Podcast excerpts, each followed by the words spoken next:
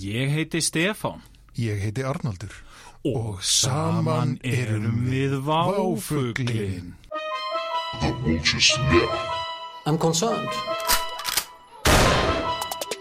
Unacceptable human rights, democracy, He's always lurking everywhere. and here also in, in, in the mind. That's where he's lurking. uh, Góðan daginn Hæ, hæ, uh, velkomin í uh, nýjan váfugl. Hæ, Hæ. Uh, Við erum með hérna sérstakann gest í þætti dagsins. Já, og það er hann Ari Eldjó Æ, þakka ykkur kærlega fyrir.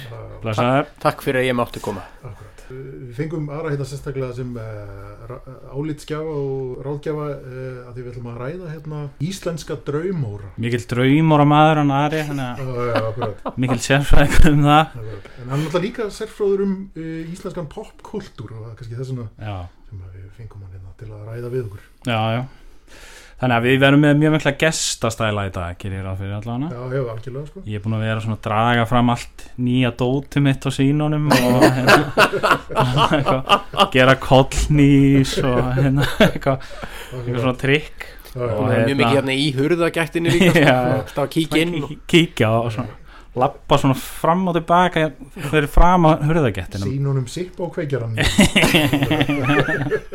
já. Ég man nú eftir að þetta var rosa sport. Já, já, ég man eftir að vera með gestastæla sko. þá var ég að gera þetta. Ég og svona, og svona, svona dyrakarmur heima sem er svona vísað inn í stofu. Já. og ég var mikið svona lappa þú veist þar. Já, já, já og gestirnir svona sáðu mig þegar ég kom og þá var ég eitthvað svona held já einhverju, einhverju með hímenn kallið eða eitthvað öllum fannst ég mjög impressive. Já, já, gestirnir já, voru já. alltaf bara wow, já. God damn, séðan að upplifun- kall. Upplifun þín já, já, ég meina. Ég man að bróðið minn held þarna eitthvað unglingapartínir í kjallara. Já, Svona 86, 7, hann er svona, ég er svona 5-6 ára. Já, ég var alltaf að lappa svona fram í herbyggina sem voru svona flissandi stelpur og, og fólki í svona góðu gelgjukasti já, já, já. og var ég alltaf að lappa fram hjá með svona kassettutæki og örslunum og svona að hlusta á eitthvað sem ég fannst.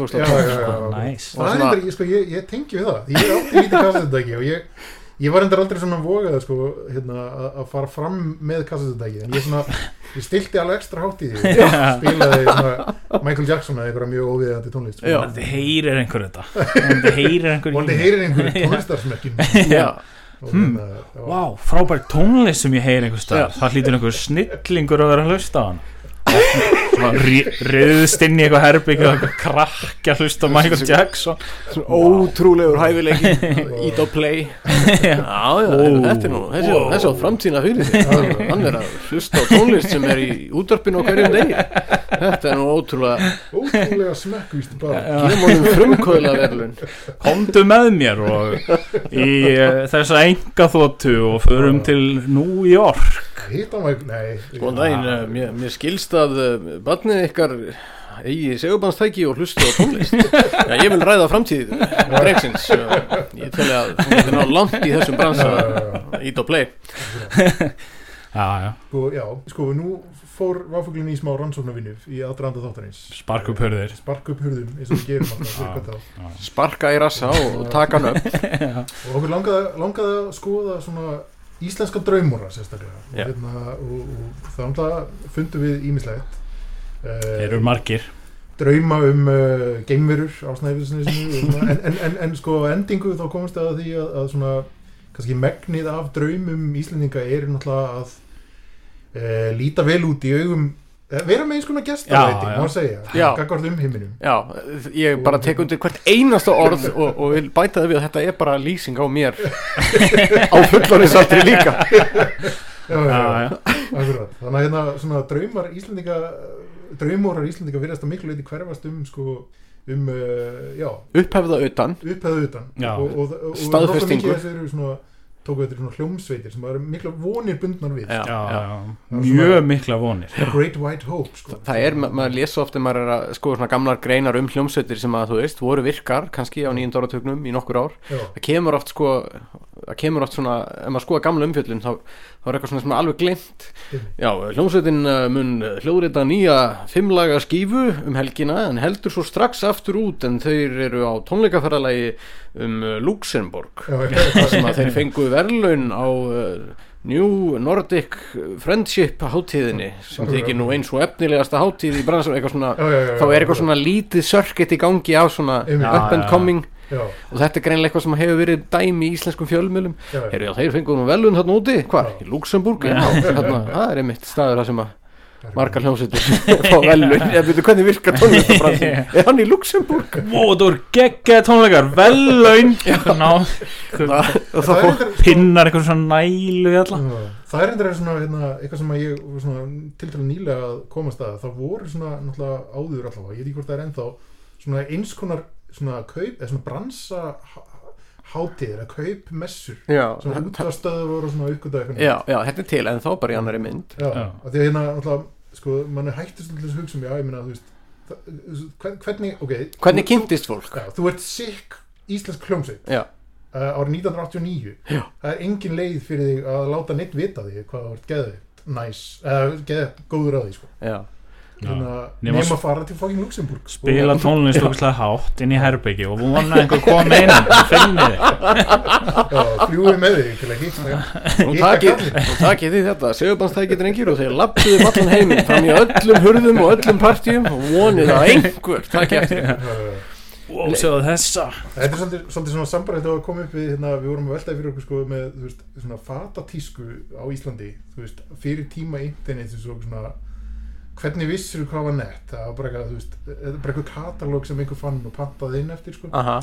þannig að hérna, þetta er svona, svona á þeim nótum svolítið, sko, hérna. Já, Þannig virkaði náttúrulega í gamla þetta, veist, þannig að Gulli Bergmann fór bara til Carnaby Street Já, já, svo bara stopnaði hann eitthvað sem hétt Carnabær akkurat, og svo pantar hann inn hérna Dót og það, já þetta er auðan já þetta er frá Breitlandi, já, já já.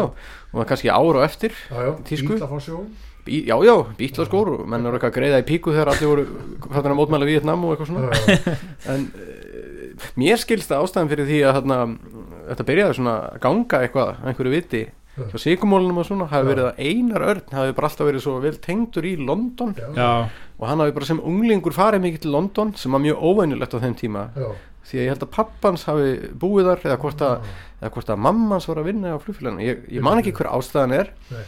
En mér skilst hans að hann er í purki pilnik hérna þegar punkljónsettirnar eru í gangi í Rokki Reykjavík og það er rosa mikið verið að fara til London og kynnast mikið af svona sambærulegum hljónsettum og þetta eru svolítið svona sambönd sem að hann bjó að. Já, já, já, og, og opna svolítið svona fyrir þetta allt saman. Fram að þessu voru kannski Íslandingar svona daldið fastir heima. Já, En það, það var náttúrulega alltaf skiljur það var, veist, það var svo fyndið og það var alltaf draumurinn hjá öllum að eitthvað fara út og meika það náttúrulega -hmm. en þetta var samt svo augljóslega líka bara að þú veist á Íslandi þá varstu náttúrulega bara að spila sem hljómsveit og þú varst eitthvað hljómar eða eitthvað frægast hljómsveit landsins Mhm. eitthvað, allir eitthvað "Ah", öskrandi þegar þú komst þessu bítlandir eða eitthvað nema þetta fólk sem var að öskra var bara sömu þú veist, 30 manneskunar þú veist, þú sem fóst eitthvað út á land og spila og alltaf sama fólki skilju og eitthvað Siggi á neðsköpstaðar innan slástuð þau og eitthvað. Og þú bara eitthvað, ég held að allir hafi verið bara eitthvað þessi einhvern veginn, það var alveg svo leiðilegt bara, þú veist, þetta var alltaf sama. Þetta var svona, þannig að fólk var alltaf bara eitthvað það var nú gaman að spila bara einhver staðar annar staðar. Sko, ég, Luxemburg Ég kannski ég, ég, því ég var hérna ég var að skoða hérna uh, túr hérna hjá stjórninni sem var einu vinsalasta hljómsveitan þetta er frá Já. 93 Aha. Já, eða 92 fyrir ekki og hérna og það var svona, já, í sumar verður stjórnin á, á tónleikaferðalegi og það er sko, það var eitthvað tónleikar á Patricksfyrði og svo Bíldudal og hérna eitthvað, þú veist Sauðalæk og þú veist, þetta voru svona, þetta voru svona 20 mismundi staðir Aha. það sem er kannski svona hvað sem er kannski svona 30 manns Já. sem búa in total sko. Já. og hérna, veist, þetta sorgit finnst mér svo, svo hillandi sko. Já, Þetta var, sko, öðna, sveitaballa bransinn var náttúrulega það sem að, var hagkerfið sem að íslenska hljómsveitir sóttu náttúrulega alla sína tekjur á. Já, já, já, og hljómsveitir eins og trúbrót sem gáði lifun. Þetta er rosalega metnaðafull svona progressiv hippa hljómsveit með alls konar spiritual vísanir já, en til að eiga fyrir peningum eiga peninga salt í grautin þá, þá þurfti náttúrulega að spila böllum. Já, og þá fórstu náttúrulega út á land og, og spilaður á þessu ballsörkiti og þar gastu spilað einhver lög að lifun en það var líka bara spiliði Wild Thing! Og, og þetta fór alveg vís með trommaran sko. Gunnar Jökul, hann nefndi ekki þessu. Hann vildi bara vera, gera list og, og svona progressive tónlist. Já, nefndi ekki að vera að spila bara, og líka þurfa bara að spila She Loves You og bara eitthvað svona sem þeim fannst rosalega gamalt og þannig að sko þetta sveitabala hagkerfi var risastórt og það voru svo ógeðslega margir staðir svona með allt á hreinu félagsheimili típur já, á stöðum sem voru bara í bullandi business og, og bara fylltist bara alltaf nærsveitum bara mætti bara leið með brenniðislöskur og peninga og þetta var svo arðbær og mikil velta í þessum bransa að sko ríkið sett alveg mega skatt á skemmtanir. Já, Sem að sko- 50% skattur eða og það er fræg saga þarna því stuðmenn fóru sko í stríð við ríkið því að það var alltaf innheimtur einhver sko skemmtana gjald. Sem var bara eitthvað ógeðslega hár skattur og það var að senda löggur á alla ballstæði sem mættu bara og tóku peningin af þér. Já, og stuðmenn þeir hérna endurskilgreind þetta sem tónleika. Já, já, já, og, og þetta var bara stríð sem þeir voru í í mörg ár. Já, og ég heyrði frábæra sögurni svona land og sinir heldu sameigilegt ball með stuðmennum og þetta er svona árið 2000 já, og svo eru þeir eitthvað að spá í hvernig þetta á að vera svona hagnaðaskiptingin og, og þá, þá sem sagt spyrjaði Jakob Fríman er þetta ekki 50-50? Hann segir, hm, já, það eru 70-30 sjáðu til, það eru stuðmenn eru hér með 70 og þeir með 30 þau eru yngri aðalega hér og nei, þetta gengur ekki. Svo spiluðu þeir á ballinu risa tónleikar og þegar það er búið það mæta ætlar hann að rukka Jakob og Egil sem er að gera uppgjörið og Jakob er, sjáum við tilfellstar við komum hér rýmislegt inn í þetta en þið fáið 30% og það eru og þeir neyðum fór 50 og svo kom einhver að löggur. Og Egil er bara, já, lagana verður eru mættir og þá allt innu vita land og sinir strákanir hreimur og þeir, þið veit ekkert hvað þeir eiga að segja veit ekkert Nei. hvað er að gerast. Nei, og þá byrjar hérna eitthvað svona rifrildi á milli löggunar og stuðmanna já, um hversu mikið á að borga. Wow, bara shakedown. Já, og löggan er bara mætt til að hrista peningan úr þeim Já, þetta, þetta, er, þetta er ball, þið skulda okkur skemmt mm, þetta eru tónleikar, þetta er listviðburður þetta er undan þegins ballgjaldinu. Mm, sjáum til með vísinu í álíktun sem síslumöður og bara svo talar Jakob Fríman bara í svona hálftíma og löggan bara, já en hérna, já, já sjáum til sko þegar við vorum hérna með menningafélagið í Varsjá og þá var þetta svona hér og þetta og endanum bara svona lippast lögguna niður og bara, já ok ok, þetta voru tónleikar, ok, þá þurfum við ekki að borga þetta. Mm, sælir og svo fer löggan og þá segir Egil við þarna landu sinni og þess vegna fáið þið 30 oh my god, þetta er það sem stuðmenn þetta er svo frábær saga. Ó, ég er ekki með öll smáatrinn á hreinu en mér er þetta svo geggja bara. And that's why they pay them the big bucks. Mér finnst Þetta svo, geggjað þegar það er svona að innheimta skatt svona bara á svæðin já, bara. í bara Já, hvað er með þetta, hvað er með cash hrói tollheimtumenn og farið þetta er einmitt algjört hrói hættur í dæmi sko. og hérna, Hlaup hvað út. hétu hérna, myndasöðuna sem voru alltaf í djefaf eða eitthvað, hann vikingurinn sem snýrist allar um að hann var að innheimta eitthvað skatt af mönnum.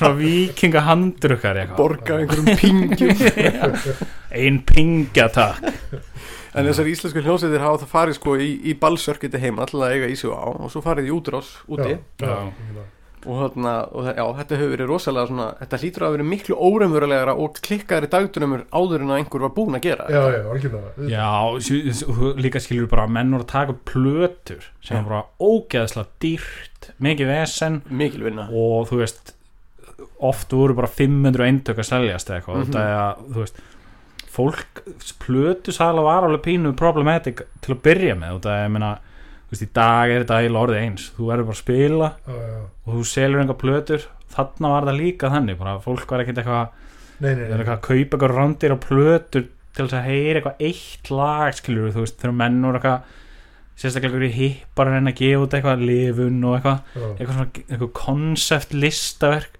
veist, þá var ekkert eitthvað nonni eitthvað, ég vil bara heyra hann að lægið, þú veist, hvað er lægið hlust í gegnum eitthvað eitthvað, þú veist, eitthvað hippa gól skilur þú eitthvað eitthvað, einhvern að spila á flöytu og eitthvað til þess að heyra bara lægið, þú veist, og dansa og hérna, þannig að fólk var bara eitthvað En það sem er svolítið, sko, ok, nú, nú er alltaf, það, það er einn vinkill á þessu, það er, það er sko draumórar listamannana sjálfa, sjálf, Já. sjálfa um að einhvern veginn svona gera eitthvað aðeins meira heldur en að vera að spila á sveitaballi í Bíldudal. Uh, en svo er það sko held ég líka bara svona hugar órar íslensku þjóðarinnar eða, og, eða sko væntingar íslensku þjóðarinnar til þess að einhver taki skrefið og meikið út. Já, til þess að láta okkur öll líta svo vel út já, sko. já, já, og algjörlega. Hérna, og hérna það, það er svona svona áhverð að explóra það því að, að því að svo braut er alveg dálítið svona þyrnum stráð sko. Já, mér finnst svona, mér finnst eins og hérna uh, það er svona, það er svona ríkt í Íslandingum að talan, eða þess að gera grín að meiki sem feilaði. Já, Já. og það er líka pínu gaman. Það Það er líka, það er svona leið til að brynja sjálfan sig fyrir Já, já, já.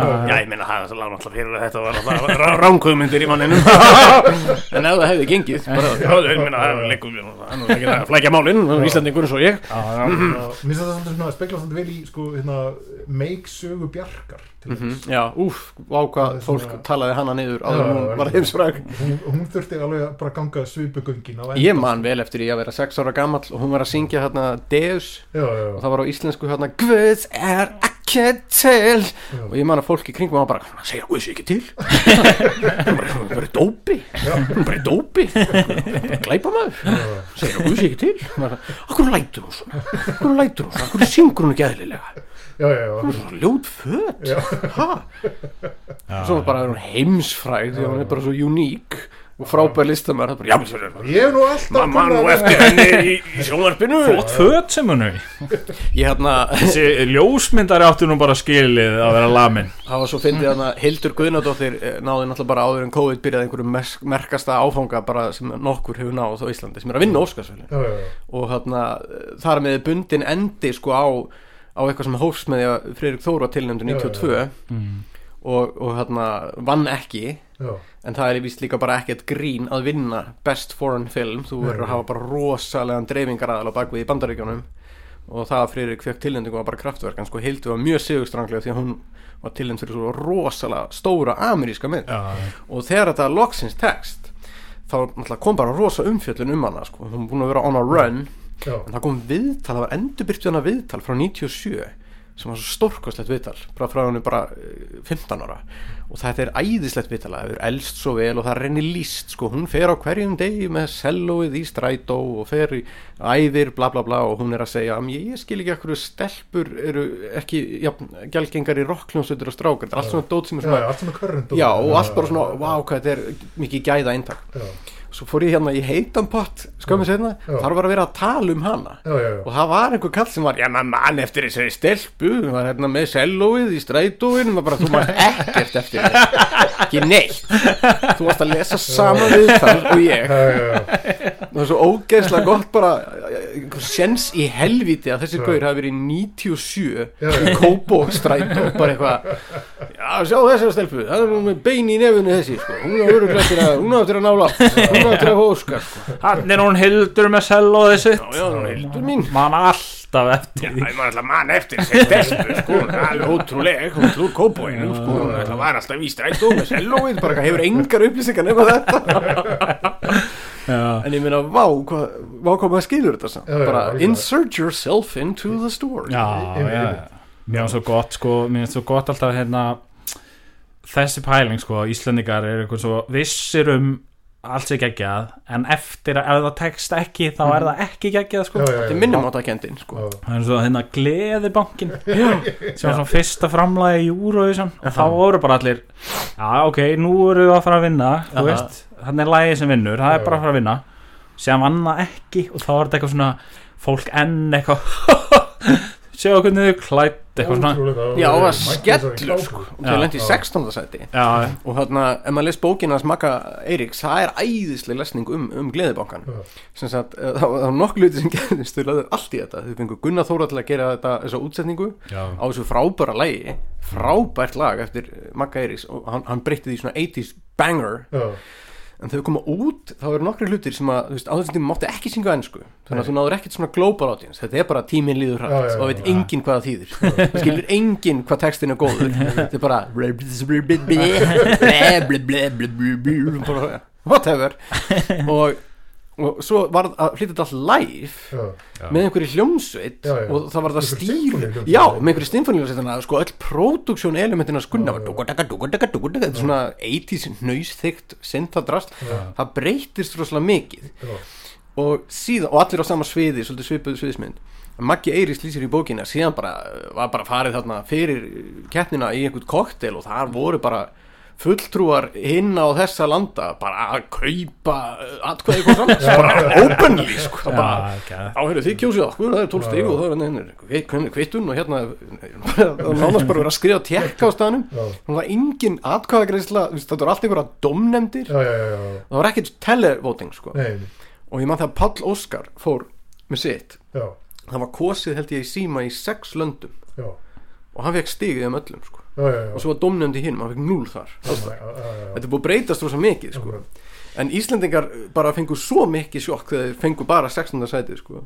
og það var ótrúlega margt á móti sér í þessu og, og eftir á skilur er gleðibankin einhvern veginn geggja lag en allir eitthvað svona gleðibankin æsi þannig að tríóið eða hvað sem þetta er þú veist, þá er þetta allt svona ógustlega funny já, já. en ég meina, þú veist is it, þú að veist. því er nefnilega svona Páluskar í þessu saman sko, hérna, og, og nú er ég aftur svona, svona pæli sko, svona, fyrirgjöf, hérna- bara, bara ég var skjótinn. Já. mér minnir mér þess að Gleðibankin hafi verið í fórkeppninni heima rústaði henni, mér minnir Já. að Pálmi hafi sungið það einn. Já, já, hann gerði það eitt sko. Og svo er bara, herruðu, ok, nú fáðu bara Eika Haugs og Helgu Mönnu Já, líka sko. Íslandingar fóru svo þungir inn í þessa keppni. Já, við ætlum, svo, við ætlum að fokka þeim upp þessu lagi. Akkurat. og við gerðum allt rétt. Já, en bara, það vantaði bara já, hörru, hér er hérna fórseti það er nú gott að- það er nú gott að tala eins við hann. Fá stig.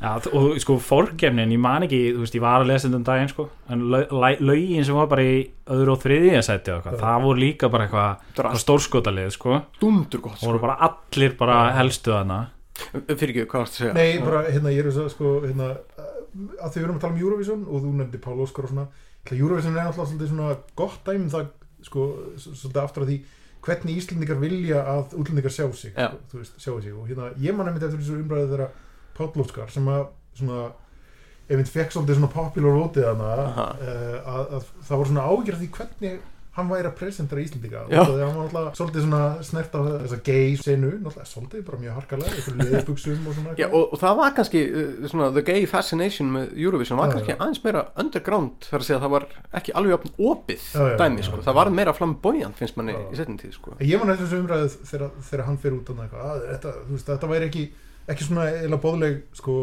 byrtingamind á, á íslenskum kultúr sko. það er kannski svona laumum meik Já, draumi sem varða veruleika sko. já. Eh, Sko náttúrulega að sigra í Eurovision já. er náttúrulega íslenski meikdraumurinn. Já, já, já, akkurat akkurat. það er það sem að við sko, ég veist ég hef grínast með upplýstnandunum mín og þetta er eiginlega bara utaríkistöfna Íslands. Það er að vinna Eurovision. Akkurat. og fó- fólki finnst þetta svo geggjað. Jafnvel má færa samt uh, rauk fyrir því að landkynningin sem hlýstaði að vinna Eurovision og halda Eurovision að við höfum örgulega fengið meira en það bara í formi einhvers Elgos og Instagram og túrisma og, og þeirra tónlistamanna sem hafa slegið gegn hér Já. sko. miklu meira held ég sko já, en, kannski er þetta bara smá shot in the arm en ekki mikið meir sko. en sen er þetta náttúrulega alltaf sen er það búið að vera þú veist alveg frá byrjun uh, hjá Íslandingum það er alltaf þetta vonandi vinnuð en samt ekki út af að geta við sen já, já. þannig að þú veist sætið Það, það er vist mjög oft þannig að þegar eitthvað svona, eitthvað svona skrítið land vinnur eins og til meins bara manna, land sem að skrítið land, sem að vinnur ekki oft Eurovision, Já. ég held að vann ekki Azerbaijan jú, jú, akkurat.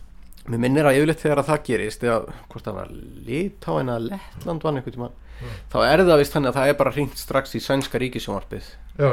Bara sagt bara, já, já, hörðu, við þurfum hérna að gera samning við ykkur. Já, og þið komið hérna bara inn í þetta með okkur Já. og þið hjálpuð okkur að gera þetta þeir eru búin að halda þetta svo oft. Og eins og Eurovision myndin hans Will Ferrell Já. þetta er allt svíjar sem gera hana. Já, já, já, Því þeir bara, Já, þetta er bara partur af þeirra hagkerfi. og, og þeirra einn fórkeppni er eiginlega bara stærri en Eurovision.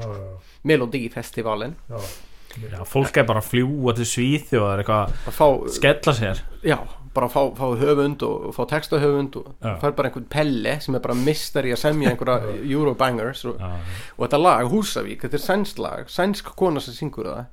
Þess vegna segir hún Husavík já, já, þeir náttúrulega hefðu svo léttilega geta tekkaði hvernig maður ber frá Húsavík og Skjálfanda en þeir eru bara svo, þeir eru svo öruggi með þessu svíða mínu bara, þetta er Husavík, það lítur að vera.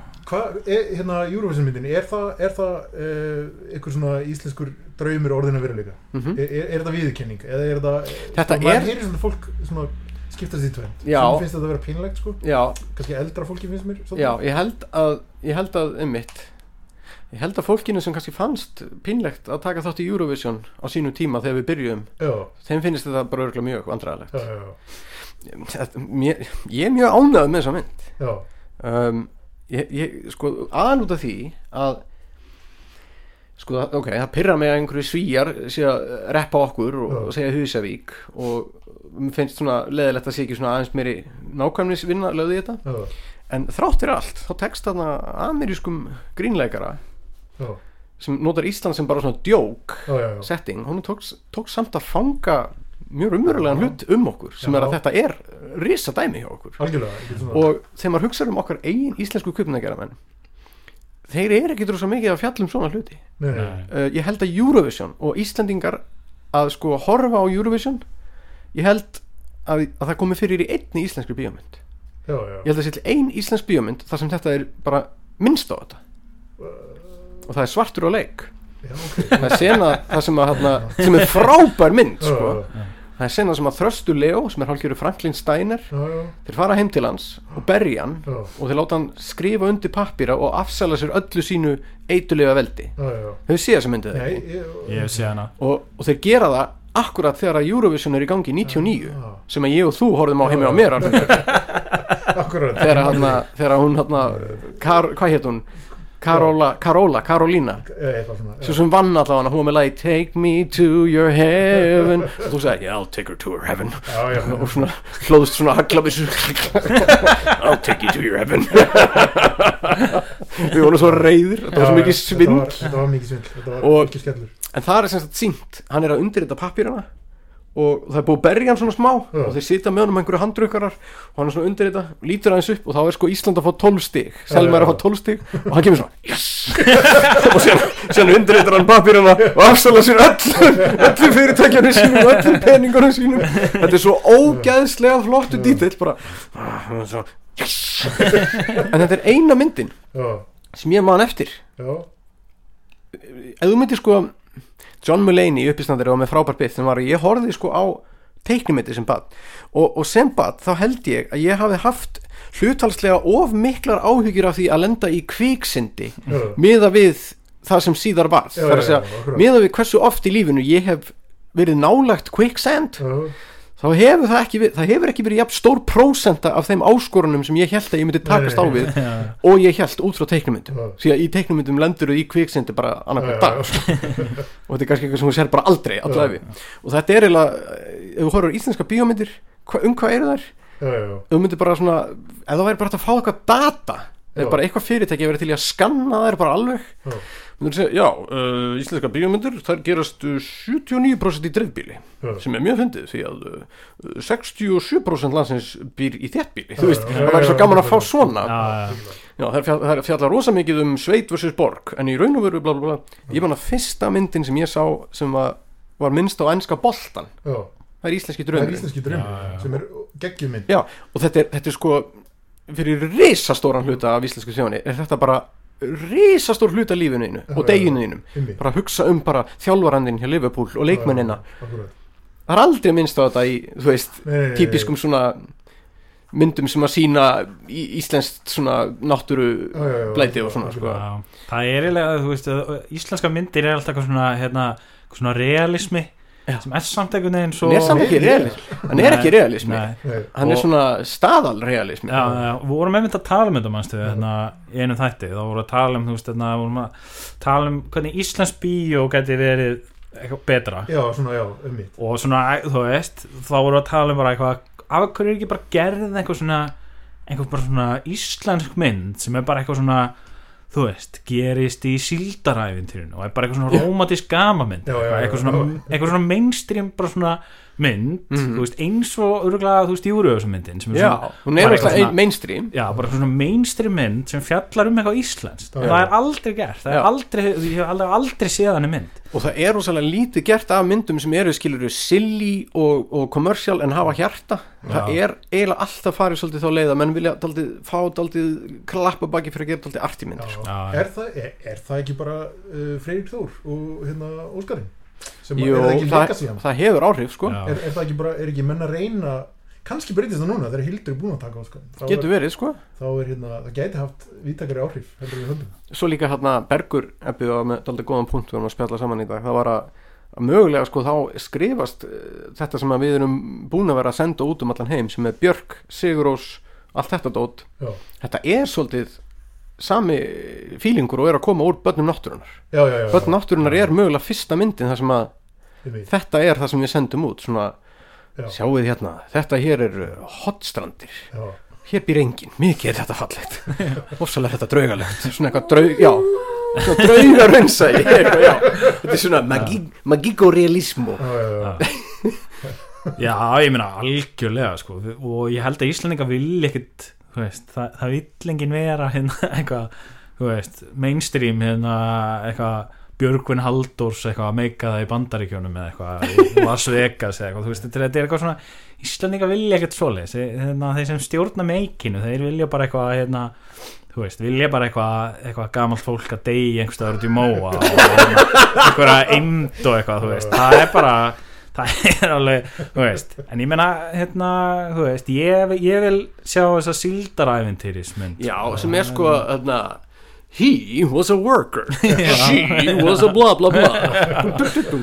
Þetta skrifa sér sjálft. But now Já, já, eitthvað sem svona Íslandingar kannski, ok, ekki tengja við það er ekkert eitthvað mjög margi sem er eitthvað já, ég man svo vel eftir síldaræfintýrinu en skilur þú veist, ég veit það ekki góðæri eða gæs hérna, þú veist, eitthvað.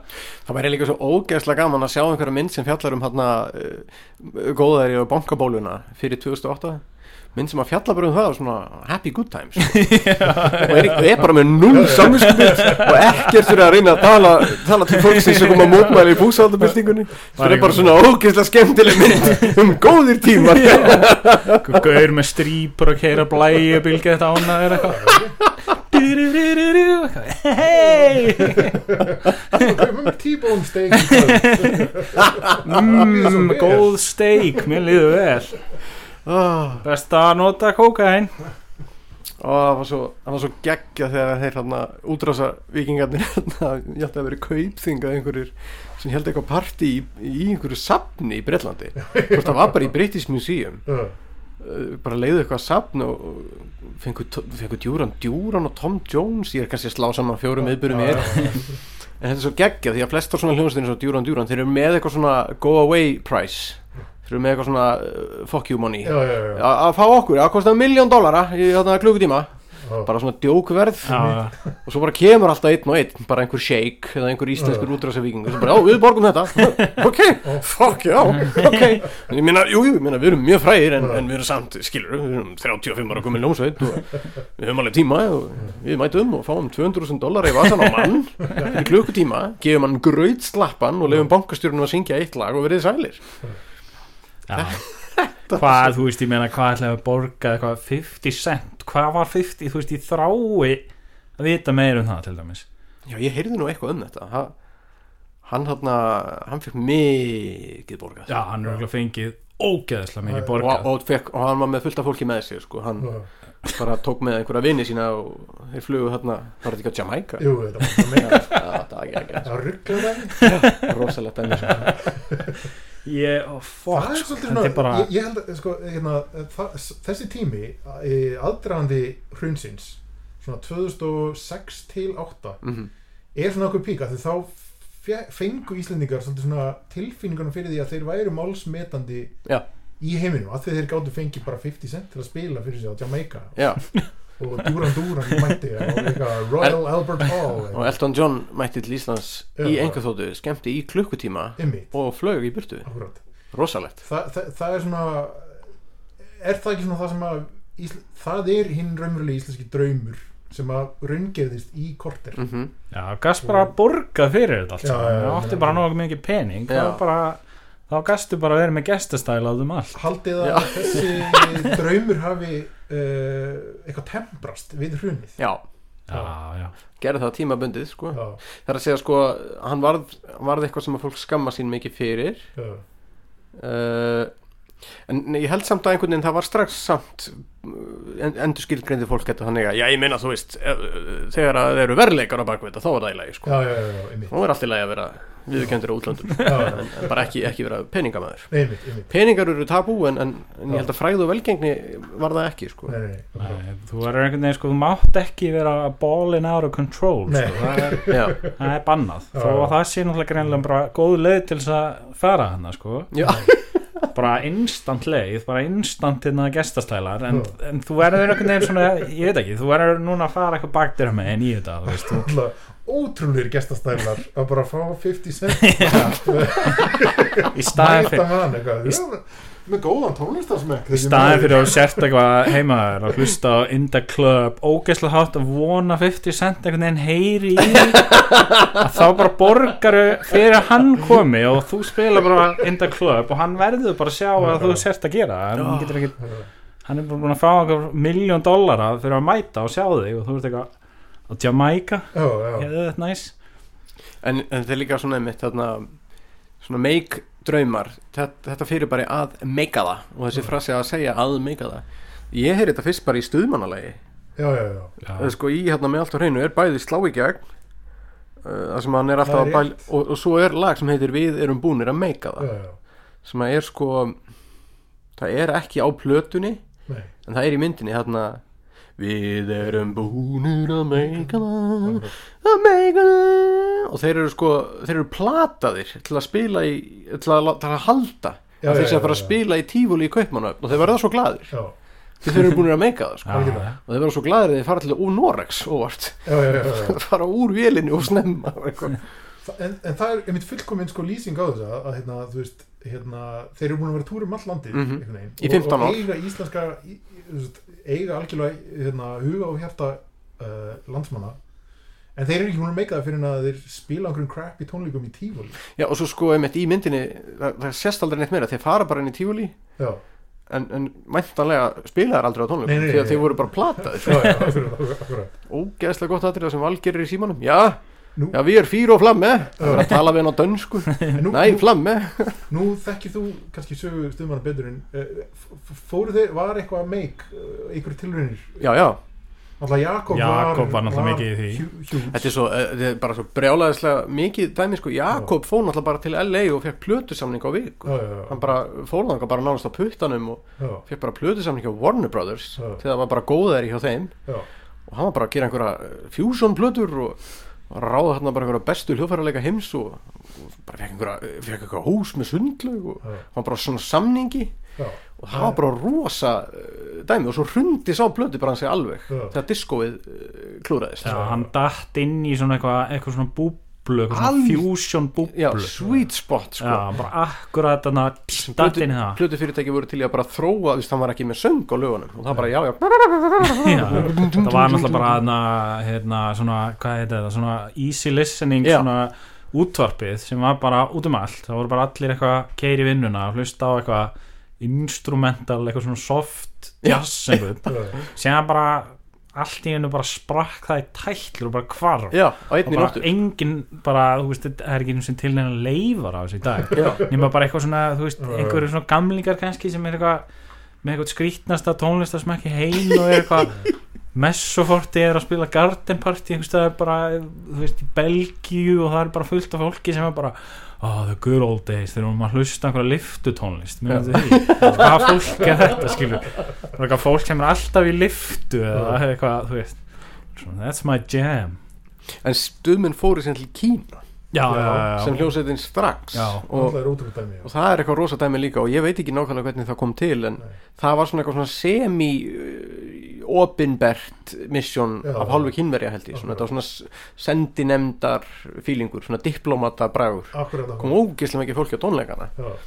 En bara þú veist, fólk er að koma að sjá tónleika sem bara svona fyrirbæri. Bara, þetta er ljómsveit vestræn popljómsveit áhugavert. Áhugavert.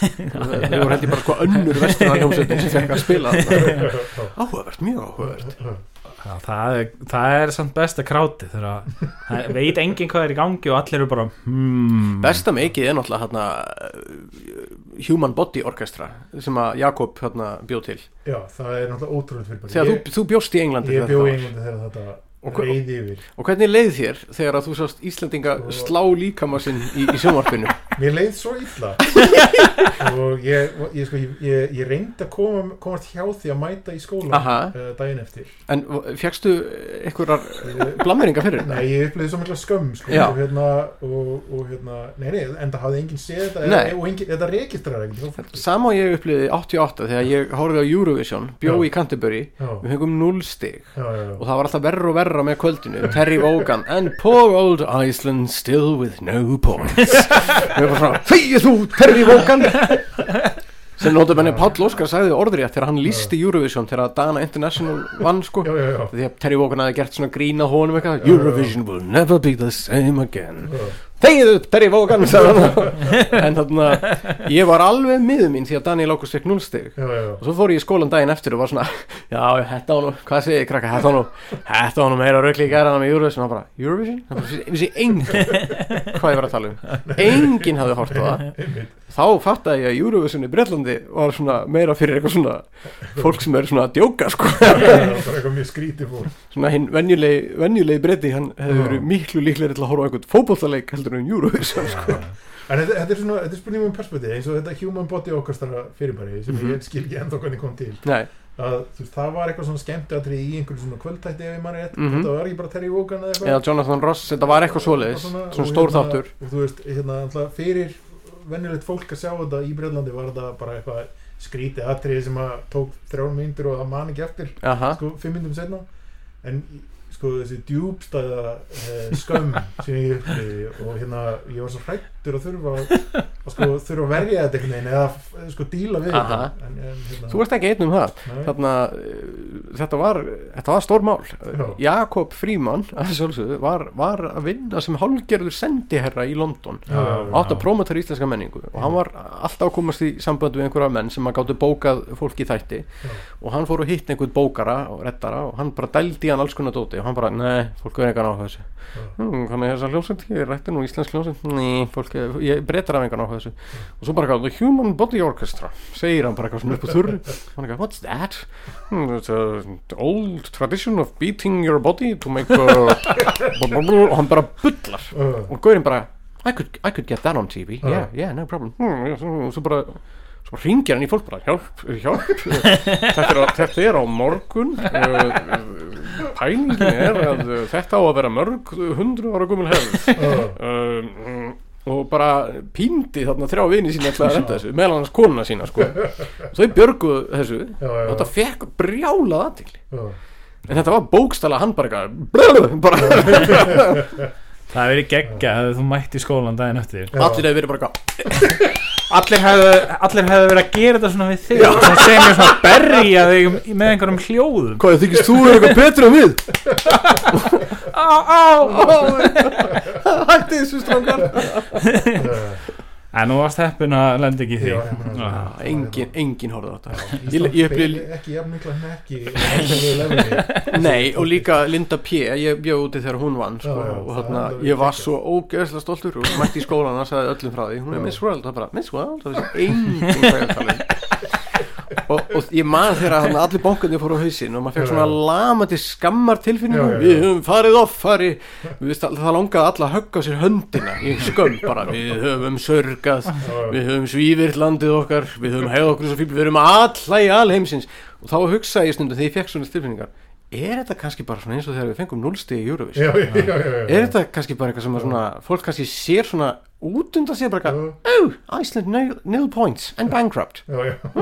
og man ekki eins og nei, við erum bara hvað ég verð lam, ég verð lamin ég verð niðurlagur er þetta eitthvað svona þetta er eitthvað er náttúrulega 100% þannig eins og þú sért eitthvað eins og maður sé eitthvað að opna blaðu maður sé eitthvað sjokking fréttum bara þú veist, ég veit ekki, eitthvað, eitthvað land bara, hérna, Azerbaijan. Þú veist eitthvað, ah, ekki gott. Ekki gott eitthvað að fara eitthvað að muna það mörgum árum síðan. Já, manstu þannig Azerbaijan? Já. fóru á hausinn fyrir tíu árum. Asera bara. Þetta er líka, þetta er líka sko þessi rosa skömm sem við upplifum. Uh, því að sko kreppan sem er í gangi núna er miklu verri heldur Já, já, við já. upplifum eftir bankaklúrið sko. Já. já, en þarna það var svo mikil skömm í bankaklúrinu þetta var heldur líka bara smá svona fordómar okkar gagvart uh, fátækari þjóðum sko. Já, já, já. við svona, við, við erum ekkert svona þjóð við erum ekkert svona svona félítil þjóð við, við, erum ekkert að fara erum að palla niður um deild nú það búið að lækka úr A plus niður í B minus en við erum do I look like a terrorist Mr. Brown veist, þetta er svona, ert þú að gefa í skinn að við sem þannig land Það er Ég- náttúrulega það var ótrúlegt dæmi þegar fólk var að byrta myndir af sér. Það maður. Er heldur illa. do I look like terrorist Mr. Brown? Það var gekkja við erum ekki terroristar. Ekki, ekki móðgast í því. Uh, besta myndin af því er já, skegg og Já, það var svona Já, pretty cool, en það er náttúrulega einu sem einu sem muna eftir bankarhruninu á Íslandi eru grikkir. Og þeim fyrst að geggja. Þeir eru eitthvað þeir var í Gríklandi fyrir nokkrum árum. Og þá var alltaf bara þeir vild, vildu alltaf vita hvað maður væri. Mhm. og maður er eitthvað Æsland. Og þeir eru aaaah Íslandía! Og voru bara geðveikt ánæður og, út af þeir voru með þetta hérna, jail the bankers Já, dæmi, já, sko, já. sem, já, já, já. Já, sem þeir- þeir, þeir, sko, grikkir vilja svo mikið jail the bankers já.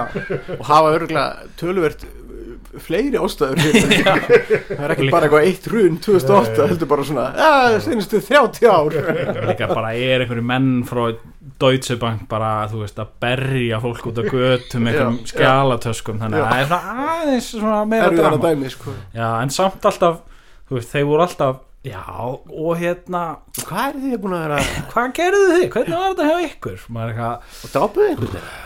Við myrtum bara alla bankamennina senda það bara út. Já við, við bara við letum það ég, ganga alveg, ég stakk alveg þrjá fjóra bankamenn sko, þeir voru út um allt eitthvað að hlaupum og maður bara náði þeim við kallum þetta og- reynsunina miklu. Ógeðslegt fræðilegt land það var rosa gaman bara, þetta var fínt. Já, Þetta hérna, er kannski að prófa þetta. talað um svona þessa hérna sko, nú er eitt sko svona meik sem að mér langaði að færa í tal og tengist inn á svona alþjóða pólitík uh, og ég ætla bara að því að nú höfum við ekki endalega svona tíma það er hérna frambóð Íslands í öryggisráð saminuð ó já, það var á er sama tíma. Já það er svipum tíma. 2008 Akkurat og það sko þetta þessi fram, aðdraðandi frambóðsins er náttúrulega í mörg ár. Já. Það kostar 100 miljónir eða eitthvað. Já, 400 miljónir ríkið hafi varið í, í, í þessar æfingar. Sem fjöllu eða, sko, ég, hérna, ég er að velta með sko, það, það er, hvaða sjálfsmynd er það einhvern veginn, já, það er eitthvað svona hérna, Hva, hvaða viðurkenningu hefur verið að falast eftir er það, það ekki eitthvað svona það er eitthvað svona veik tenging og eitthvað svona frið og já, eitthvað já, sem Íslandinga vilja svolítið fá en samt einhvern veginn ekki. Já. eða veist eins og sko það er alltaf þessi friður á Íslandi sem er ekki sko, þú veist, hvað þýðir það líka, þú veist, að það sé ekki fólk að slást út á götu eða stífinga bankamenn út af göldu ég meina, auðvitað er friður á Íslandi. Hvað, hvað hvernig ætti það að vera? Það væri ógeðslega výrt að væri ekki friður á Íslandi. Er þetta ekki samt sko, dý, sko dýpri þrá eftir viðurkenningu um að við séum sko, svo svona sko, eh, svona, hérna, með, með reyna samvisku og, og við getum svona einhvern veginn miðla málum einhvern veginn. Jú, einmitt, E- já, já, með svo geggju pæling bara. Við erum með frið því við höfum enga reynslu á ófrið. Þar að leiðandi skulum við semja um ófriðin það bara, já, en hafið einhverja reynslu. Nei, Nei, þú er aldrei lent í neinu. Já, hérna eru hútsar og tútsar þeir eru hérna í stríði og kemur einhver Íslendingur við kennum ykkur að leysa það. það getur bara á. Come on maður, hvað er að Nú eitthvað hálf daburt hjá okkur samlífið hjá okkur hjónunum hérna. Æ, þetta búið að róast mjög mikið við erum ekki sofið saman í nokkur ár. Já, talaði við þennan mann hérna hann er skýrlífur, hann hefur aldrei ekki neinu vandræði með kynlífið come on maður, bara don't, just don't do it. Það er svona sko geggja að gera, það var tekið sem að skýsla um sko frambóð Íslands til örgis á þarna og hérna, þetta er eitthvað svona sem byrjar eh, sko, byrjar 2002 sem að menn byrja að pæla í þessu. Já, og nær svona einhver hámarkið þarna 2008 Já, þá var atkvæðagreislan og við náttúrulega fengum ekki brautargengi þar en síðan var sko saman þetta að vera yfirleiti yfir, hvernig var staðið að þessu. Og það var eitthvað svona, maður sér það Íslandingar þetta er, þetta er svolítið Eurovision aftur. Já, að, að Íslandingar fara inn í þetta svona haldandi að það sé svona bara gamaldags diplomasía mhm, og láta prenta ykkur á bæklinga og eru svona málefnulegir mhm. En síðan einhvern veginn kemur á daginn að þetta er sko þessi frambóð samkefni er bara hérna baktjald á mark. Já, hún fer ekki fram þarna. Ekki fram þannig og þetta er einmitt bara svona einhverju diplomatar að hérna, bara borga hverjum öðrum undir borðið Já, og, og sko með Tom Jones tónleikum sem er endur eitthvað sem við hefðum átt að geta brillið já, já, einmitt, já. Að hérna, hérna, þú getur ekki mætt með einhvern bækling þegar Írland einhvern veginn býður þér upp á hérna uh, sko uh, YouTube tónleik. Það er bara Býtu, hvað voru menn bara Tom Jones, eitthvað, eitthvað skiptast á Tom Jones tónleik það var litur við þannig sko. Nákvæmlega. bara einhverju svona væna og dæna og, og, og stuð og partí sko. og það, sko, skýslan er alveg sérstaklega áhugur en hún er bara eitthvað svona, já, ég meina, þú veist við eitum 400 miljónum í, í að hitta fólk og, og, og svona og, hérna, og prenta þessa bæklinga en sko Írland eitti kannski 200 miljónum en þeir voru kannski meira on hérna, þú veist, on point með í hvað þeir eittu af því Já. þeir fengu bara YouTube til að taka sjó og Já, hérna, það gett miklu betur en þeim sko. en, en líka bara, þú veist, hva, hvað er það, þetta öryggisráð? Hvað er að vilja vera í öryggisráð? Já, ég er, ég er að um sko, Hvað er það? Hvað Hvað sálsmyndar Já. dæmi er það sko? Hvað, hvað gerðu þið? Já, við, við varum í öryggisráðinu og hvað gerðu þið? Já, við álíktuðum, Já. já, já, og hvað þýði það? Já, veit ég ekki. Við ráðum þess ekkert, Já. við erum bara með. Hafið þið neitunavald? Nei, við, við unnum ekki setni heimstyrjöld. Nei, nei, nei. Er þetta ekki bara eitthvað einhverjir menn og hjá ríkinu sjá bara einhverja draumóra bara, þú veist, þeir eru bara hann er eitthvað jobb sem þú veist, ég get farið í einhvern tíma Já, Nei, ég held að, ég held, ég held að sem Blue Grow ég, Þetta var svona ríkistjórnin sem hafði metna fyrir þessu, var það ekki? Jú, jú, það er ríkistjónin sko og auðvitaðríkisráðandi Já. Ég, eh, sko, en ég, ég held að það tengist inn meiri inn á sko, sjálfsmynd Íslandika þegar við slíkarinn okkur alltaf út frá því hvernig uh, útlönd sjá okkur Já.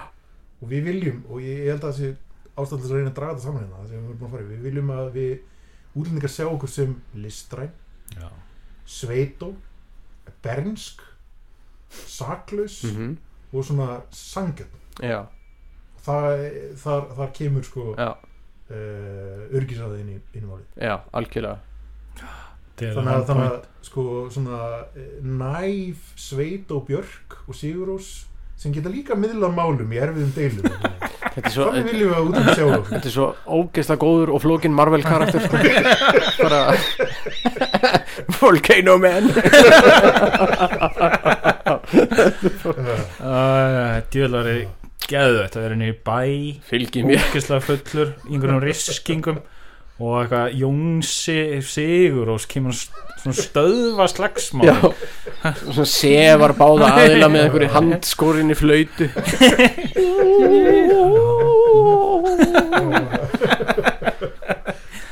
come on maður, ró ykkur niður. Spilast einhver ambient tónlist þarna já, já. Það var alltaf ógeðslega fyndið þegar Arnaldur var að leika hann, Arnaldur gætt búið til svona múmteksta að vild. Og hann búin að mastera svo rosalega formi og hann bjóð til eitt sem var Broken dolphin. It has no fin So it can't swim. Þetta það hefur verið svo lítið mál að gefa þessa blötu út árið 2000 sko. bara hérna, taka þetta upp Já, já. spila einhverja spiladós Já, mögulega setja eitthvað svona trommur spila þetta beint inn í einhver slagsmál einhver staðar sem er verið eitthvað búglemmi einhvern Íslanding í London Djöld væri fyndið ef að það, ef að Jakob hefði nú haldið áfram að ljúa This is actually how we used to resolve our conflicts by slapping off the face and the body. Að það hefði orðið eitthvað svona stærri partur af sjálfsmynd Íslandík Já, það var eitthvað svona martial art er eitthvað svona typo make er náttúrulega sko stór partur af þjóðar identiteti Íslandíka tilbúin á 20. öld. Þetta hefði ekki orðið partur af því. Já. Já, já. Bara Ó. bot, Ó, bot í orkestra hérna, uh, já. En líka á emmitt Svona make, make svona draumar og Sko ég held að ástæðan fyrir því að við sáum hluti eins og hérna gemurulendinguna já, já, Ég held að ástæðan fyrir því að það dæmi hafi orðið tálítið uh, hafi verið út af því að það var bara reynsla fyrir því á Íslandi að það væri haldnir viðbyrði sem veikja heimsatikli og það, voru, það er 72 er það skákeinvið og 86 er það leiðtofundurinn einmitt í báðan tilfellum þá spruttu á fætur alls konar einirkjar sem fóru að byggja til varning til að selja erlendum blaðamönnum og ferðamönnum. Og það er allir margar sögur af því að það var lið í kringum leiðtofundin 86 sem bara trilltist fór bara veðsetti húsi sitt og bjóð til bóli Vá, Bara- bara I went to see Reagan Gorbachev and all I got was this t-shirt. Og, og ég hitt henni sinni mann sem að sko sagði mér þetta gerði svo rætt og hann, hann átti einhverja vörubíla en nei, hann átti ekki sinni vörubíla. Hann, hann var bara, bara beðin um að redda vörubílum því að kanarnir voru að koma og það kom bara með viku fyrir bara, og bara bandaríkjamenn þurfa 50 vörubíla. Og þar af þarf helmingur að vera bara stand-by. Og, og það vantaði einhverja fimm bíla og hann vissi um einhvern gaur sem átti fimm bíla Já, og einn var bílaður og hann legði þá á honum í þrjá daga meðal annars bílaða bílinn og dróð þá á eitthvað plan og svo legði hann könunum bílana vá, geggjað. fyrir tíu sinnum meiri penning og þeir snertu þá ekki allan tíman þeir Nei. voru bara með þá til vonar að vara ef bla bla bla bara einhverja svona, þetta var svona rætir sem kom bara með þeim já, já, já. Og þessi gaur bara setti bara einhverja þrjár miljónur í vasan bara yfir helgi, Oh bara gerði God, það er ekkert. og gaurin sem átti vörubíluna bara, hörðu, ég hef nú til í að fá borga fyrir vörubíluna mína meira en þetta. Og það var alveg svona hefð fyrir því að það gæti orðið svona frenzy. Já, í kringum einhvern eitt viðburð einmitt, og einmitt. ég held að þessi gemuru lending það hafi verið svolítið margir tilbúinir að veði á að já, ég meina, ég trú ekki á gemurur en Já, já, já. það getur komið NBC, sko Kind undir þessa bólu, sko. já, ég var til í að fá útlendingana enga, sko Þetta er náttúrulega íslenski koma, draumurinn sko. í fullkomni nót, sko. Já. Algjörlega. Það er hérna að geta auðgast yfir nótt á einhver kjaftaði.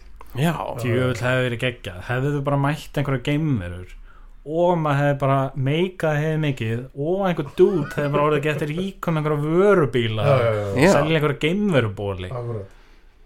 Alien Ridge Já, þetta held ég sé alveg universal reyndar svona Já, tilfinning sko. Já, já. þetta er eitthvað sem að maður myndi sjá mjög létt til að tekið fyrir í Simpsons Akkurat, akkurat.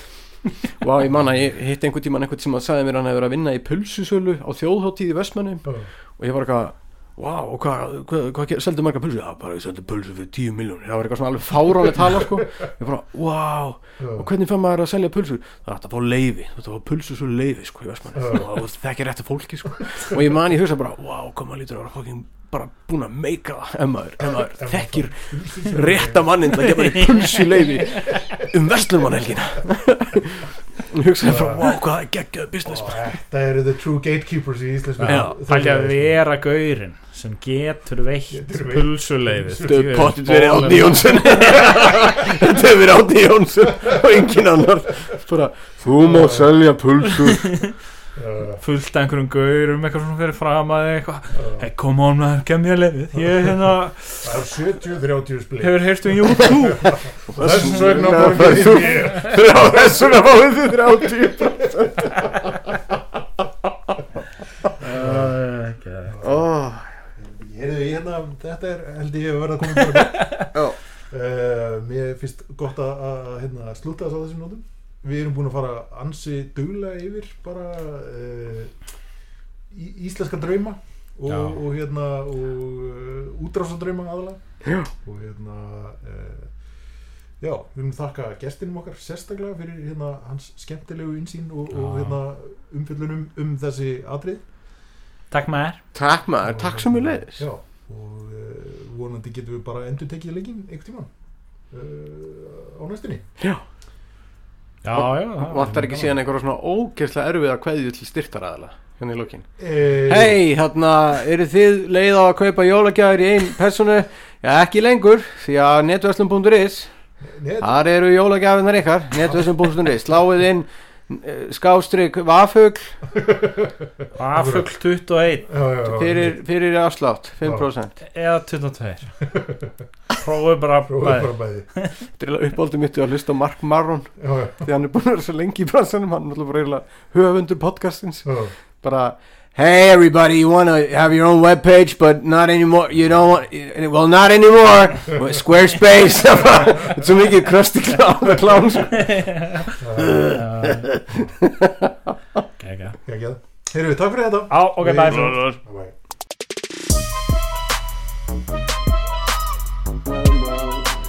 Thanks very much. Good night. Thank you.